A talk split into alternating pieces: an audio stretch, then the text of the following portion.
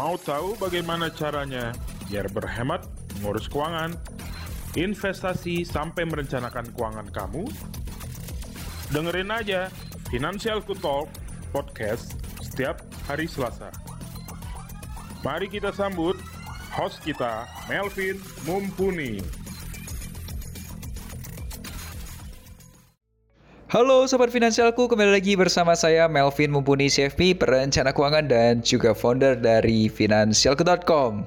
Menemani kesibukan kamu di hari ini yang sudah kembali kerja dari kantor atau work from office atau mungkin juga ada beberapa dari kamu yang masih bekerja dari rumah. Teman-teman, kali ini di episode 80 gue akan berbicara mengenai side hustle dengan menggunakan trading saham. So teman-teman, apakah kamu sekarang ini lagi mikirin side hustle atau kerjaan sampingan? Mungkin kamu baru tahu juga nih yang namanya trading saham. Intinya sih kita jual beli saham gitu deh di Bursa Efek Indonesia. Kali ini saya akan ngobrol bersama financial planner finansialku yang menjalani trading saham sebagai side hustle-nya.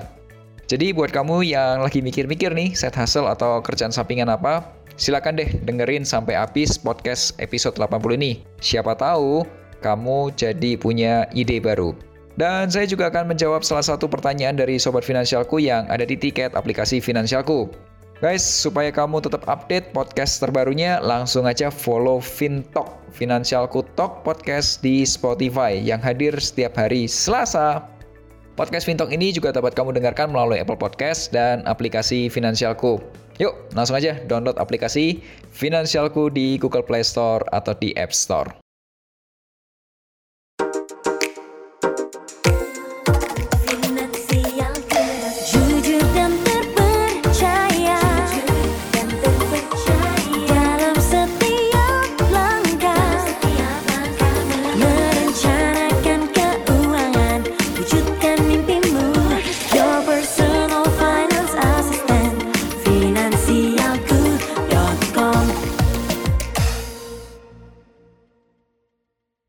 Sebelum bahas lebih detail, Sobat Finansialku dapat mengirimkan pertanyaan atau curhat keuangan melalui fitur konsultasi keuangan di aplikasi Finansialku. Dan ingat, kasih hashtagnya, hashtag curhat keuangan. Salah satu curhatan kali ini adalah membahas, Halo Komelvin, saya X dari Palembang. Sekarang ini saya sudah coba investasi saham dan rugi. Apakah sebaiknya saya tambah lagi dengan dana darurat ya? Thank you ya Ko. Yuk kita langsung aja jawab pertanyaan kamu. Hashtagnya let me share my view. Hai Kak X, sebenarnya wajar sih kalau kita baru belajar dan mengalami kerugian, tapi jangan buru-buru deh pakai dana darurat buat nambah lagi. Saranku adalah gini, belajar dulu. Orang belajar investasi saham itu sama seperti bayi belajar jalan. Ya, pasti ada berdirinya dan ada jatuhnya juga. Tugas kamu adalah coba belajar lebih keras dulu supaya peluang untung atau peluang keberhasilan kamu menjadi lebih besar. Kamu bisa belajar investasi di grup belajar saham finansialku yang live setiap bulannya. Sama seperti tadi malam, saya live di Facebook group. Atau kamu bisa dengerin podcast ini sampai selesai. Siapa tahu kamu juga tertarik nih dengan trading saham. Oke, semoga penjelasan saya dapat bermanfaat dan membantu kamu. Buat sobat finansialku, para pendengar podcast Fintalk, jika kalian mengalami kegalauan mengenai keuangan, investasi, asuransi, atau apa pun itu, langsung aja curhat ke podcast Finansialku. Caranya gampang banget, download aja aplikasi Finansialku di Google Play Store atau di App Store. Terus, langsung ke menu konsultasi keuangan, kasih hashtag curhat keuangan. Follow juga akun Instagram at Melvin underscore mumpuni untuk tahu diskusinya lebih seru.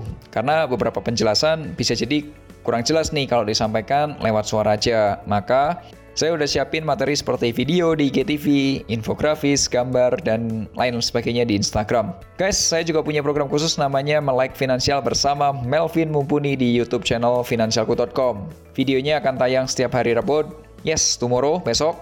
Jadi langsung aja subscribe YouTube channel Finansialku. Yuk, tanpa panjang lebar lagi, langsung aja kita bahas side hustle dengan menggunakan trading saham bersama tamu saya,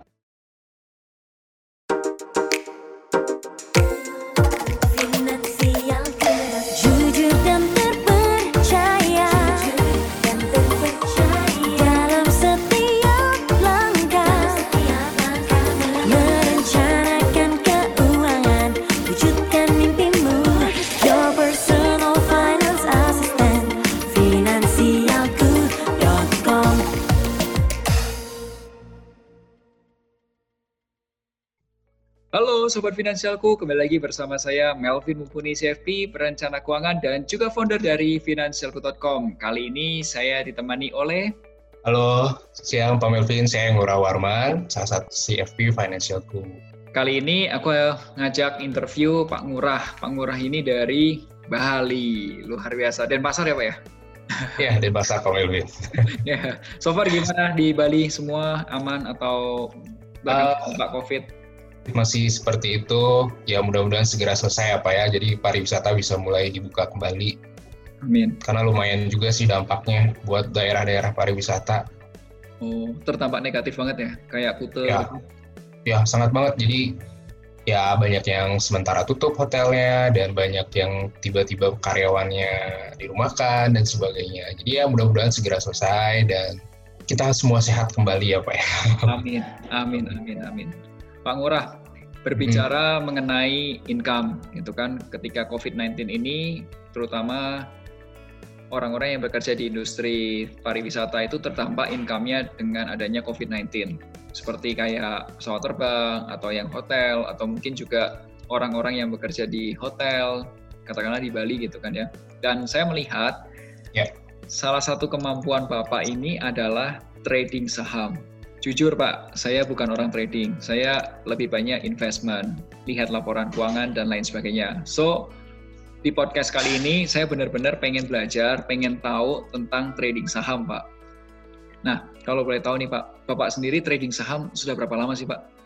Iya, jadi sebenarnya saya dari awal mulai di invest di saham itu dari 2013 Pak Melvin. Jadi waktu itu ya 2013 jadi hampir tujuh tahun ya. Jadi waktu itu lebih ke prefernya memang gimana sih cara ngedapetin penghasilan tambahan di luar uang yang ada saat ini? Gimana sih cara ngembanginnya? Kan gitu.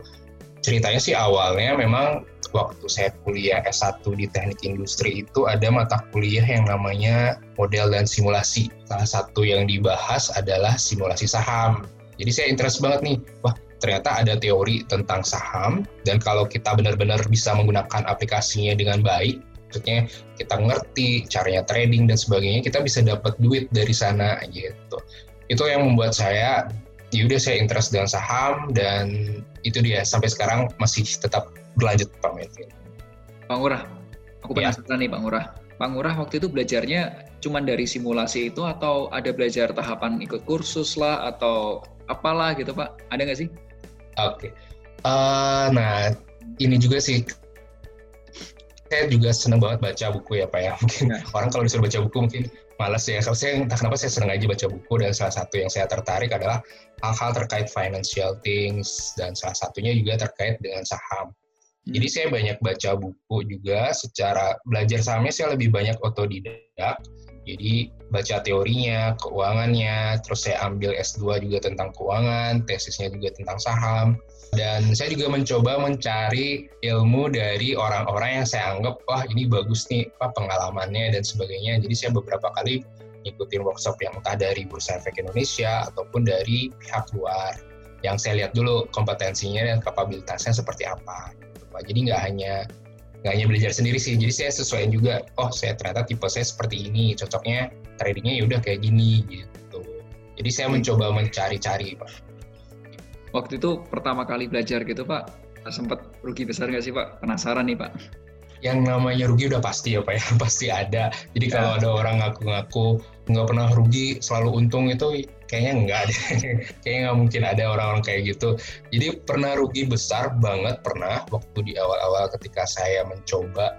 Namanya juga pemula ya pak ya waktu ya. itu. Jadi masih yang greedy masih yang pingin ngeklik ngeklik padahal padahal nggak tahu mau beli apa kan. Maksudnya ya udah ngeklik aja yang penting gitu kan. Jadi waktu itu saya istilahnya cuma pakai feeling analisis pak.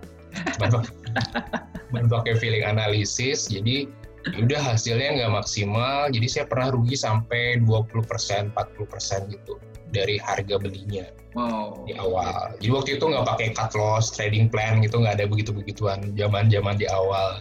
Wow. gitu pak. Ya itu lebih baik sih. Nasib nasibnya Pak Ngurah lebih baik sih karena awal awalku lebih berantakan Pak. Ya, by experience Pak ya. Betul. Pak Ngurah sekarang kan Bapak sudah katakanlah sudah tahun ketujuh nih yeah. menjalani trading saham atau boleh disebut sebagai seorang trader saham mungkin Pak? Boleh, boleh Pak. Yes. Boleh ceritain nggak sih beberapa case yang pernah Bapak alami, case trading gitu ya, hmm. untuk menghasilkan untuk untung atau keuntungan yang sifatnya itu konsisten. Mungkin bukan yang fantastis gitu ya, bukan yang okay. dua kali lipat, tiga kali lipat atau gimana, tapi konsisten aja gitu. Yeah. Oke, okay, bisa bisa Pak. Jadi pengalaman saya ketika ada case trading yang untungnya konsisten itu ketika saya pertama saya benar-benar menganalisanya uh, sangat dalam gitu Pak. Jadi saya lihat emiten atau saham tersebut indikator teknikalnya banyak yang memberikan sinyal buy. Nah, itu juga paling nggak saya lihat juga volume transaksinya seperti apa, tinggi atau enggak, di atas rata-rata atau enggak. Nah, jadi ketika suatu saham nih, misal ada empat indikator yang kita gunakan, entah itu lagging indikator atau leading indikator, bilang sinyal buy, dan saya cek lagi nih, indikator teknikalnya bilang buy. Terus saya cek lagi berita-berita terkait emiten tersebut, terus saya coba combine dengan valuasinya seperti apa, masih bisa naik atau enggak. Nah, dari sana yang saya dapat banget konsisten untungnya. Jadi kerasa banget. Jadi kalau kita benar-benar dalam risetnya, teknikalnya kita lihat, karena kan teknikal intinya asumsinya adalah history tend to repeat itself gitu ya Pak ya. Jadi kalau zaman dulu seperti apa saya coba oh ternyata benar kayak gini. Ya memang memang tidak mungkin 100% benar, tapi kan kita paling tidak punya probabilitas yang lebih baik ya Pak ya ketika kita menganalisa dengan baik. Nah, dari sanalah yang saya dapat untung yang konsisten banget dari uh, saham, trading saham. Seperti itu Pak. Teman-teman, ini tadi ada yang roaming nih ya, leading indicators yeah. sama lagging indicators.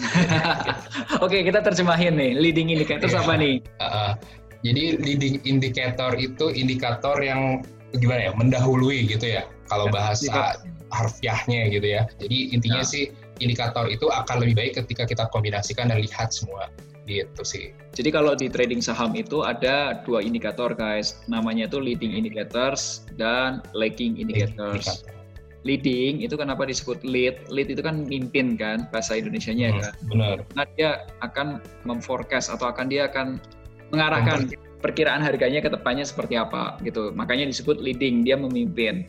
Nah, kalau yeah. lagging dia biasanya menganalisis pola yang sudah terjadi sebelumnya.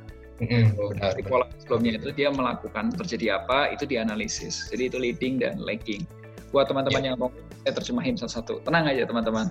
Di podcastnya ini harus semuanya harus nggak boleh ada roaming gitu. Okay, Tidak boleh ada jargon ya Pak ya? Iya, ya, jadi jadi harus diterjemahkan. Oke. Okay. Iya, iya, siap. Dan kalau yang waktu kasus rugi besar ya Pak, tadi kan seperti bilang ada sempat rugi besar 20 sampai 40 persen gitu. Lesson learn-nya. Jadi lesson learn-nya di situ ketika saya mengalami besar, saya melihat bahwa ketika Anda memilih suatu saham, jangan memilihnya baru ketika market buka atau jam 9 pagi. Nih market kan open tuh pak ya. Baru kita memutuskan oh mau beli apa ya? Nah itu udah pasti kemungkinannya agak ya ruginya itu gede itu kemungkinannya. Jadi lebih baik persiapkan dulu sebelumnya ketika marketnya belum open. Jadi bisa saja pada saat malam hari atau pada saat weekend kita coba analisa indikator dan sebagainya. Nah baru kita mencoba beli kita jadi kita udah tahu jawabannya sebelum market buka gitu. Terus juga lesson learn-nya juga yang namanya feeling analysis sebaiknya tidak dicoba dalam hal-hal seperti trading ini gitu. Jadi hmm. jangan berharap perlu naik naik nggak ya naik nggak ya? Nah kalau gitu udah salah itu lebih ke spekulasi jadi betul. Itu sih pak. Ya guys tuh. Feeling analysis tuh artinya kamu milih saham berdasarkan feeling feelingnya yeah. nggak pakai indikator lain tapi indikatornya by feeling. Feeling naik atau enggak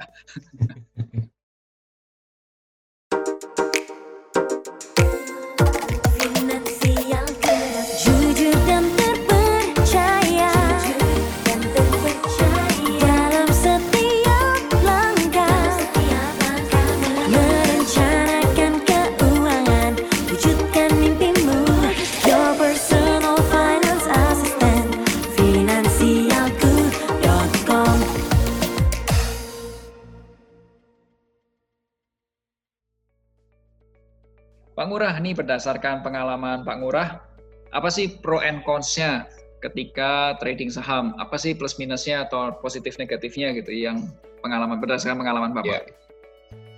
kalau dari pengalaman saya nih Pak ya, positifnya kita mencoba untuk trading saham itu pertama ya paling simpelnya kita bisa dapat duit dari hanya menganalisa hanya bermodalkan laptop, komputer atau smartphone di mana saja ketika market buka kan gitu ya Pak ya itu kan simpel tuh sebenarnya kan? Kita hmm. nggak usah berpanas-panas ria. Kita nggak usah ke mana-mana cukup di depan laptop komputer pakai smartphone ya udah kita bisa dari sana gitu. Itu pro-nya itu pro banget kan? Nah terus pro lainnya yang saya rasain sih ketika saya mulai trading saham itu kita itu kayak memiliki sense of analytic yang lebih baik dibandingkan sebelumnya. Ya, jadi misal nih karena kan kita trading terbiasa kita lihat pola pergerakan harga saham sehingga ketika kita sudah terbiasa hal itu kan menjadi suatu insting yang makin tajam nih analisa kita. Oh kalau kayak gini bakal kayak gini kalau gini. Nah itu ternyata penting banget dalam kehidupan sehari-hari itu pak. Kalau saya ngerasa saya lebih aware terhadap pola atau suatu kejadian gitu loh. Jadi oh kalau kayak gini seharusnya kayak gini ya. Kayak gitu sih. Saya lihat oh ini karena sense of analytics saya jadi makin high makin tajam lah ketika saya mencoba trading dan belajar analisa yang lebih baik gitu pak. Nah itu pro-nya tuh Pak ya. nah, kalau dari cons-nya memang trading itu banyak menganggap sebagai hal yang judi atau spekulasi gitu ya Pak ya. Jadi hmm. saya dengar pasti oh kamu main saham. Nah dari kata main saham aja udah sebenarnya kurang-kurang pas ya karena kan sebenarnya main-main seolah-olah main-main seolah-olah ini duit bohongan dan sebagainya. Terus juga identiknya juga judi atau spekulasi yang ujungnya rugi dan nah itu dia. Itu itu perlu kita ubah mindsetnya bahwa ketika kita membeli sesuatu kita harus menggunakan analisa. Jangan berspekulasi. Jangan berharap-harap cemas bakal naik bakal turun. Nah itu itu itu nggak pakai analisa namanya pakai feeling kan gitu ya pak ya. Jadi intinya kita harus tahu siapa yang kita bisa jadikan mentor siapa yang bisa kita jadikan apa ilmunya yang bagus dan kita sesuaikan dengan karakternya kita. Seperti itu sih pak. Wow oke. Okay. so clear banget pro and cons-nya. Ini jujur yeah. banget. Bang Murah, ini seperti case yang sekarang ini kan relevan banget nih kalau banyak orang yang kehilangan income pada saat terjadinya coronavirus atau COVID-19 ini, ya kan? Ya. Dan pertanyaannya nih, apakah trading saham itu tuh bisa menjadi salah satu alternatif income tambahan atau kita sebutnya side hustle buat orang-orang mungkin karyawan kantor atau pemilik bisnis atau juga ada sandwich generation yang memang butuh income tambahan khususnya income aktif. Apakah ini bisa? Dari pendapat saya sih trading saham ini benar-benar cocok untuk jadi side hustle Pak karena apalagi khususnya karyawan kantor dan generasi sandwichnya karena kita sepakat bahwa for depend on single income gitu ya Pak ya. Apalagi di era seperti ini nih saat yang kebutuhan makin tinggi tapi bisa jadi gaji sebagai karyawan itu belum tentu 100% misalnya. Belum tentu naik melebihi inflasi misalnya. Atau belum tentu naik-naik juga pada padahal udah sekian tahun kerja. Nah itu misalnya. Jadi di trading saham ini tidak harus kita memantau terus tidak harus juga kita mantengin tuh laptop atau komputer atau smartphone tiap saat, tiap menit, tiap detik.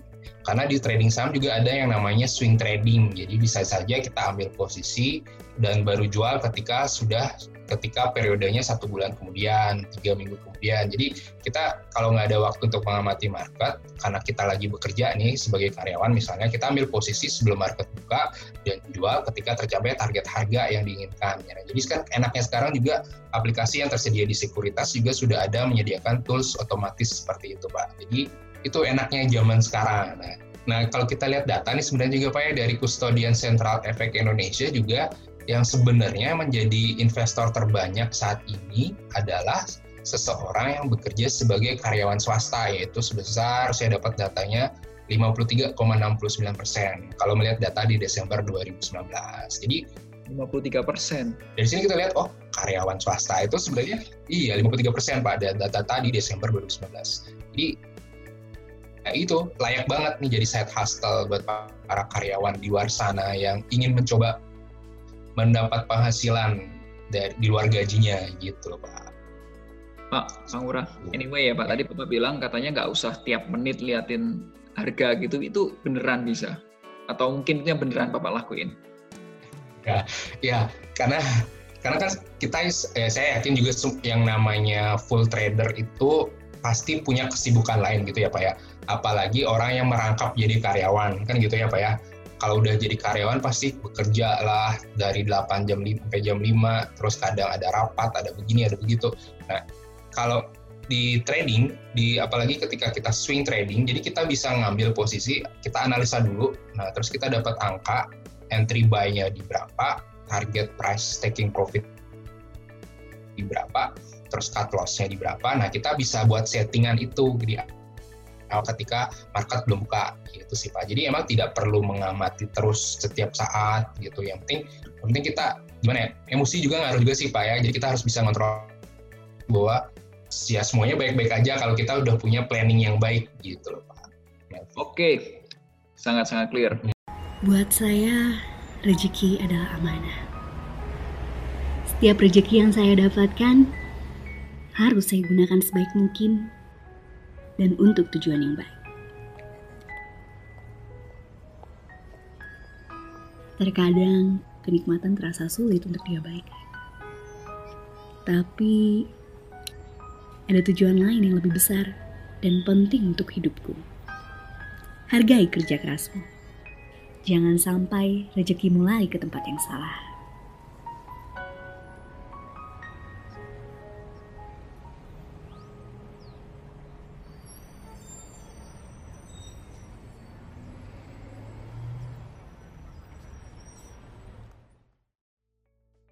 Pak Ngurah, tadi Pak Ngurah sempat bilang nih harus hmm. punya trading plan atau rencana buat trading. Tadi disebutnya ada plan, ada yeah. entry point, entry point itu beli di harga berapa. Terus profit itu tuh kamu mau cari profit di harga berapa. Tadi mungkin ada stop loss juga, yeah. berarti kerugian terbesarmu di harga berapa dan lain sebagainya. Nah, yeah. yang jadi concern ya Pak ya, kalau menurutku adalah gimana sih caranya orang yang benar-benar awam nih Pak. Contoh hmm. kalau kan memang benar-benar nih bukan seorang trader, aku adalah seorang investors dan memang aku penasaran pengen belajar juga tentang trading buat nambah wawasan dan buat open minded gitu loh Pak. Jadi kalau misalnya ada orang yang nanya ke aku apakah trading bisa jadi income atau tambahan set hustle, tapi ternyata bisa. Seandainya nih ada orang awam juga yang pengen belajar trading saham nih Pak apakah Pak Ngurah itu juga bisa bantu ya. orang yang awam ini bisa belajar trading saham dan gimana caranya Pak Ngurah bantu mereka? Sangat bisa sih Pak. Jadi kalau kita masih awam banget minimal kita harus tahu istilah-istilah apa aja yang ada di saham, terus mulai dari apa itu support, resistance, uptrend, downtrend, sideways. Nah, itu sebenarnya simple aja. Yang penting di trading itu juga banyak tools kan ya. Di tools itu nggak pakai hitung pakai rumus lagi. Semuanya sekarang di era yang otomatis sehingga kita tinggal membaca atau menginterpretasikan saja maksud dari indikator tersebut. Nah, jadi kalau gimana sih cara saya membantu orang awam yang ingin belajar trading saham? Jadi pertama saya sangat bisa bantu ya gitu ya Pak ya. Jadi uh, pertama kita harus punya mindset trading itu berbeda dengan investasi. Investasi kan cenderung lebih sifatnya long term ya, sedangkan trading kita ingin punya income tambahan, income yang lebih sifatnya short.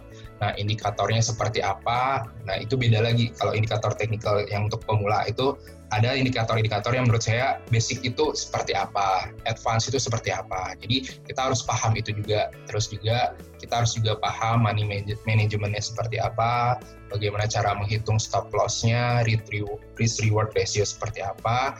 Nah, nanti Tadi Bapak bilang tentang risk reward itu tuh risk reward itu apa ya Pak ya? Mungkin bisa jelasin Pak gitu. Jadi risk reward ratio itu adalah uh, ketika kita membuat trading plan, kita kan memiliki yang namanya entry buy atau kita mau masuk di harga berapa. Hmm. Terus rewardnya, rewardnya adalah kita take profit di harga berapa. Nah, terus risknya adalah kita cut loss di harga berapa. Jadi kita punya batas bawah dan punya batas atas dari trading plan kita. Idealnya adalah risk reward itu kalau bisa jangan lebih besar risknya dibanding rewardnya misalnya apa ya bapak hmm. masuk di harga 100 terus take profitnya di harga saham 105 rupiah misalnya jadi rewardnya kan cuma 5 rupiah ya yeah.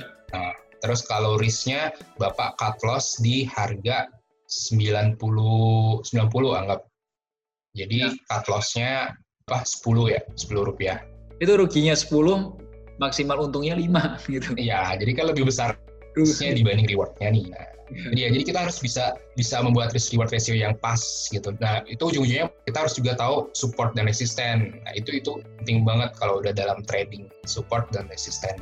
Karena itu titik untuk beli entry buy-nya di mana, cut loss-nya di mana, take profit-nya di mana. Gitu sih, Pak. Wow, oke. Okay. Pak Ngurah ini nggak kerasa kita udah di akhir podcast nih. Kira-kira ada nggak nih saran, ya. nasihat gitu ya buat teman-teman pendengar podcast, khususnya buat teman-teman yang memang pengen belajar trading saham, Pak. Silakan, Pak. Kalau dari saya sih sarannya buat teman-teman pendengar podcastnya ini, pertama kita harus tahu tujuan kita ngapain sih untuk trading, apakah hanya untuk full full income atau hanya side hustle atau seperti apa. Terus kita harus tahu juga di mana kita harus belajar yang gitu loh Pak. Jadi kadang kita mencoba banyak metode, cuman ternyata nggak pas sama kitanya. Itu juga kita harus sesuai juga. Terus usahakan belajar dengan seseorang yang memiliki kompetensi yang benar, pengalaman yang benar, bukan orang yang ya ya bukan kadang kan kita ngelihat banyak yang jualan, oh ini pasti untung pasti untung. Nah itu, sebenarnya salah ya karena tidak ada istilah pasti untung yang ada ada ya kan karena kan kita nggak bisa nebak masa depan dengan 100% benar pak minimal dengan trading dengan menggunakan indikator yang benar paling tidak probabilitasnya lebih baik dibanding kita hanya sekedar menggunakan feeling analisis yang saya bilang tadi gitu loh. Wow. saran saya, saran saya sih pelajari dengan baik, pilih mentor yang benar dan kalau finance itu bisa, kenapa enggak di financialku gitu kan ya Pak ya. ya, so teman-teman, tadi eh, beberapa poin yang bagus itu adalah yang paling penting kamu belajar dulu supaya kamu tahu nggak pakai main asal asal ada feeling ada feeling ini naik kalau udah kamu beli gitu. Jangan seperti itu tapi kamu beneran belajar supaya bisa mendapatkan peluang keberhasilannya kamu atau hmm. peluang suksesnya kamu. Dan pilih orang yang memang menjalani itu gitu atau artinya sudah mempraktekkan hal tersebut. Itu ya Pak Ngurah ya? Benar Pak Melvi. yes. Dan teman-teman juga bisa menghubungi Pak Ngurah langsung lewat aplikasi Finansialku. Di situ ada menu konsultasi keuangan Nah, teman-teman bisa arahkan aja ke Pak Ngurah kalau misal teman-teman ada pertanyaan terkait dengan trading saham. Karena Pak Ngurah bisa bantu kamu lebih banyak lagi ketika konsultasi. So, teman-teman, thank you. Semoga podcast kali ini bisa bermanfaat buat kamu karena gua pribadi pun juga barusan belajar tentang trading. Ternyata trading juga bisa buat side hustle dan lain sebagainya. It's a good, it's a cool, dan solusi juga di masa COVID-19 ini. Dan semoga juga teman-teman bisa mendapatkan manfaat yang sama. Sampai jumpa di podcast episode berikutnya. Akhir kata, make a plan and get your financial dreams come true.